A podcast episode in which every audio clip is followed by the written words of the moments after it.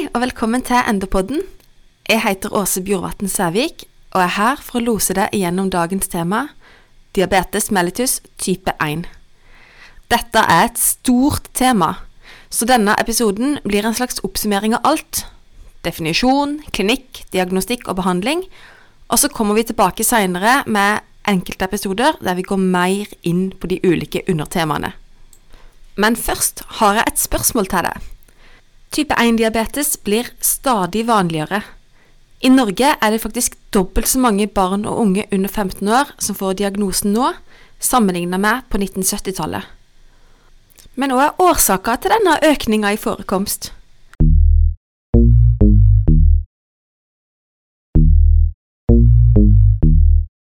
Og med det er vi i gang.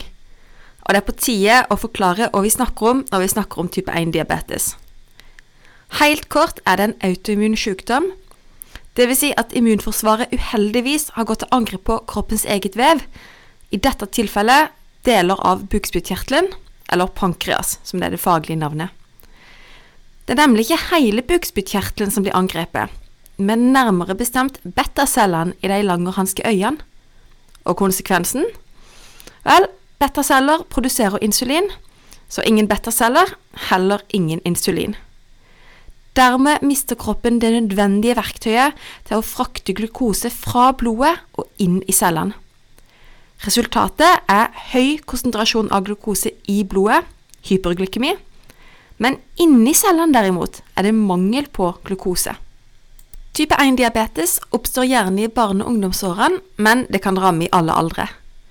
Pasienten debuterer gjerne med symptomer på redusert allmenntilstand, tørste, økt vannlatning og vekttap. Men pasienten kan òg ha tåkesyn og andre synsforstyrrelser pga. økt glukose i øyevæska, og soppinfeksjon på slimhinner er heller ikke uvanlig. Typisk er det ganske kort sykehistorie, gjerne to til fire uker. Men type 1-diabetes kan òg debattere helt akutt som ketoacidose. Som ved de fleste hormonsykdommer er vi avhengig av blodprøver for å kunne stille den endelige diagnosen. Og her må vi snike inn en liten fun fact. De gamle grekerne diagnostiserte diabetes ved å smake på urinen, og den var søt. Der er navnet dia, som i diurese eller urin, og mellitus for honning. Men tilbake til blodprøvene. Vi kan stille diagnosen ved hjelp av tre strategier. Det vanligste og den anbefalte måten er måling av HbA1c. En verdi på 48 millimol per mol eller mer gir diagnosen. En annen mulighet er å måle fastens plasmaglukose på minst 7 millimol per liter. Det tredje alternativet er såkalt oral glukosebelastningstest, som bare er en avansert måte å si at pasienten drikker en standardisert sukkerløsning, og deretter måler man plasmaglukose etter to timer. Dersom plasmaglukose da er 11,1 millimol per liter eller mer, er det forenlig med diabetes. Men høy HbA1c, eller glukose, betyr bare at pasienten har diabetes, og det gir ikke informasjon om hvilken type diabetes det er. Her har vi andre verktøy til å hjelpe oss. Ved diagnosetidspunktet er over 90% av de med type 1-diabetes positive for autoantistoff med komponenter i betasalene, som regel antigad eller anti-IA2 eller sinktransporter 8-antistoff. I tillegg måler vi gjerne C-peptid, og C-peptid er et mål på kroppens egen produksjon av insulin, så en lav verdi ved samtidig høyt blodsukker tyder på en utilstrekkelig insulinproduksjon, som ved type 1-diabetes. Og så er det viktig å vite at de aller fleste med nyoppdaga type 1-diabetes skal legge inn på sykehuset som øyeblikkelig hjelp. Helt konkret gjelder det alle unge personer med nyoppdaga type 1-diabetes, i tillegg til alle med ketoacidose ved diagnosetidspunktet. Ok, så diagnosen er stilt, og med behandlinga. En viktig del av behandling ved alle sykdommer er å gi pasienten god informasjon om råd. Og dette er kanskje ekstra viktig ved type 1-diabetes, ettersom pasienten sjøl er nødt til å styre mye av behandlinga og mange pasienter synes at organisasjonen Diabetesforbundet kan være til god hjelp og en nyttig ressurs. Pasienter som får påvist type 1-diabetes, eller kanskje enda mer foreldrene hvis det gjelder barn, har gjerne mange spørsmål knytta til om man kan ete og ikke. Tre nyttige tips når det gjelder kosthold er 1. Spis vanlig, sunt og variert. 2. Spis regelmessig. Og 3. Det er ikke nødvendig å unngå sukker, men lurt å ha kontroll på inntak av karbohydrater, sånn at man kan dosere mengden insulin etter det. Og apropos insulin. Dette livsviktige hormonet må jo tilføres utenfra, og det kan gjøres ved hjelp av sprøyter eller pumpe. Ved sprøyter eller injeksjonsbehandling skiller vi mellom to typer insulin basert på virketida – langtidsvirkende eller korttidsvirkende. Langtidsvirkende insulin skal dekke basalbehovet for insulin, og kan settes en gang i døgnet eller om morgenen og om kvelden, avhengig av virketida. Uansett settes korttidsinsulin før måltid for å nøytralisere blodsukkerstigninga etter et måltid. Ved pumpebehandling tilføres korttidsvirkende insulin kontinuerlig, og så ekstra tilskudd til måltider. Målet for behandlinga er å tilføre nok insulin, sånn at blodsukkeret kommer i eller nærmest mulig normalområdet. HbA1c er et mål for gjennomsnittlig blodsukker over tid, og målet er å holde den under 53 millimol per mol, eller så nær som dette som er realistisk å oppnå og dette er viktig for å unngå komplikasjoner, både på kort og på lang sikt. Av de akutte komplikasjonene er hypoglykemi, altså lavt blodsukker, vanlig. Og når vi snakker om lavt blodsukker, så får de fleste symptomer typisk under 4 millimol per liter, men dette er ingen entydig definisjon.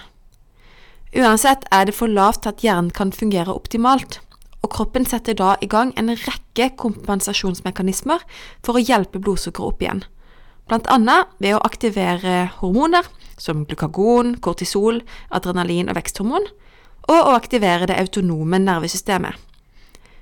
Dette fører til de typiske symptomene på lavt blodsukker, altså føling, som uro, skjelving, hjertebank og svette.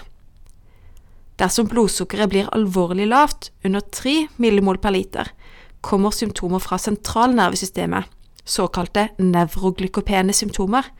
Og Det kan være kognitive forstyrrelser, kramper og redusert bevissthet, eller til og med koma.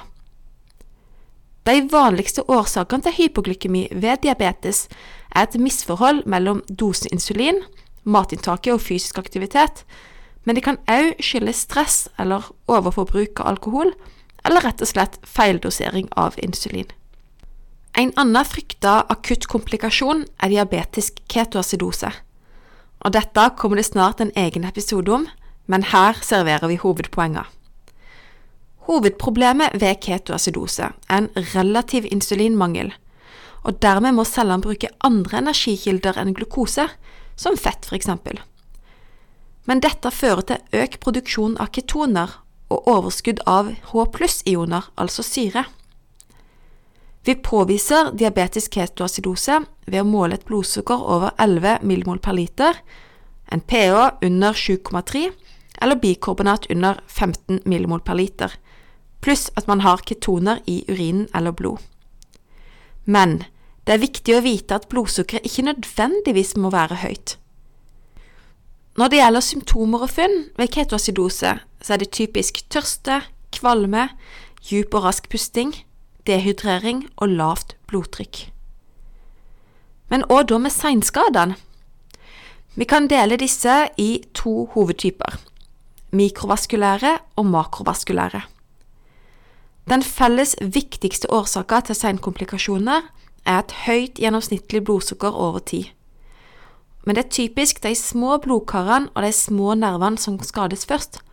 Altså kommer de mikrovaskulære seinskadene før de makrovaskulære. Særlig utsatt er netthinna, vi kaller det retinopati, nyrene, nefropati, og de perifere nervene, polynevropati. De makrovaskulære komplikasjonene er typiske hjerte- og karsykdommer som man også kan få uten diabetes, men ved diabetes kommer de gjerne tidligere og kraftigere.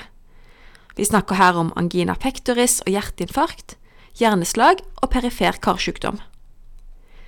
Midt oppi alt dette er det viktig ikke å glemme hovedpersonen, og at han eller hun skal ha det bra. Og dette gjelder særlig for barn og unge, og det er et mål i seg sjøl at pasienten skal få leve et så vanlig liv som mulig. Uansett alder er det viktig at pasienter med diabetes følges jevnlig opp og systematisk. Som hovedregel skal pasienter med type 1-diabetes følges i spesialisthelsetjenesten. Barn og unge bør ta kontroll hos lege eller diabetessykepleier ca. hver tredje til fjerde måned, men hos voksne kan det være nok med én gang i året. Men uansett alder, hyppigheten på kontrollene må justeres etter den enkeltes behov. Pasienten sin egen kontroll av blodsukkeret er selve grunnmuren i diabetesbehandlinga.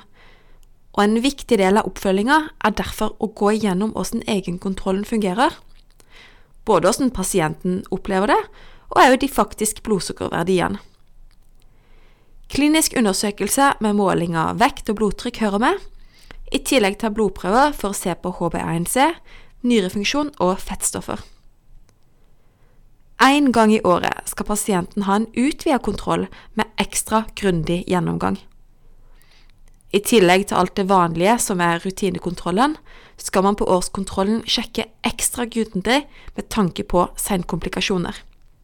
Her hører det òg med å undersøke føttene til pasienten. Bare med blikket kan man få et generelt inntrykk, men en kan òg se etter tegn til begynnende eller etablerte fotsår. I tillegg sjekker en gjerne distal puls og tegn til nedsatt sensibilitet eller nevropati ved hjelp av en såkalt monofilamenttest.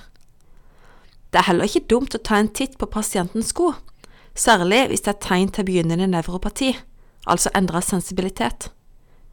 Er det for eksempel trange parti som kan gi unødvendig trykk og belastning på foten? Pasienter med type 1-diabetes har også økt risiko for både hjerte- og karsykdom og nyresvikt. Derfor måler vi lipider og EGFR og undersøker urinen for proteiner, sukker eller tegn til infeksjon, pluss albumin-kreatinin-ratio.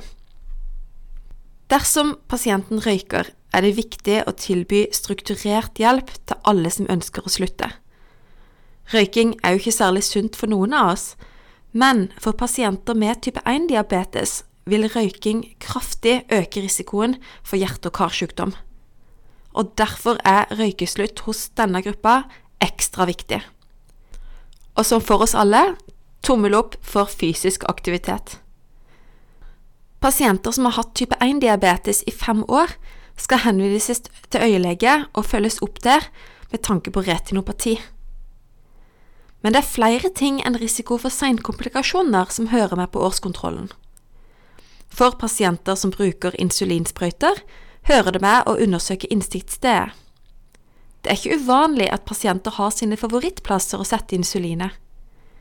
Problemet er bare at dersom samme område brukes over lang tid, kan det føre til endringer i hud- og fettvev, enten som groper, såkalt lipoatrofi, eller hevelse. Vi kaller det lipohypertrofi. Sist, men ikke minst, er det viktig å undersøke hvordan pasienten egentlig har det.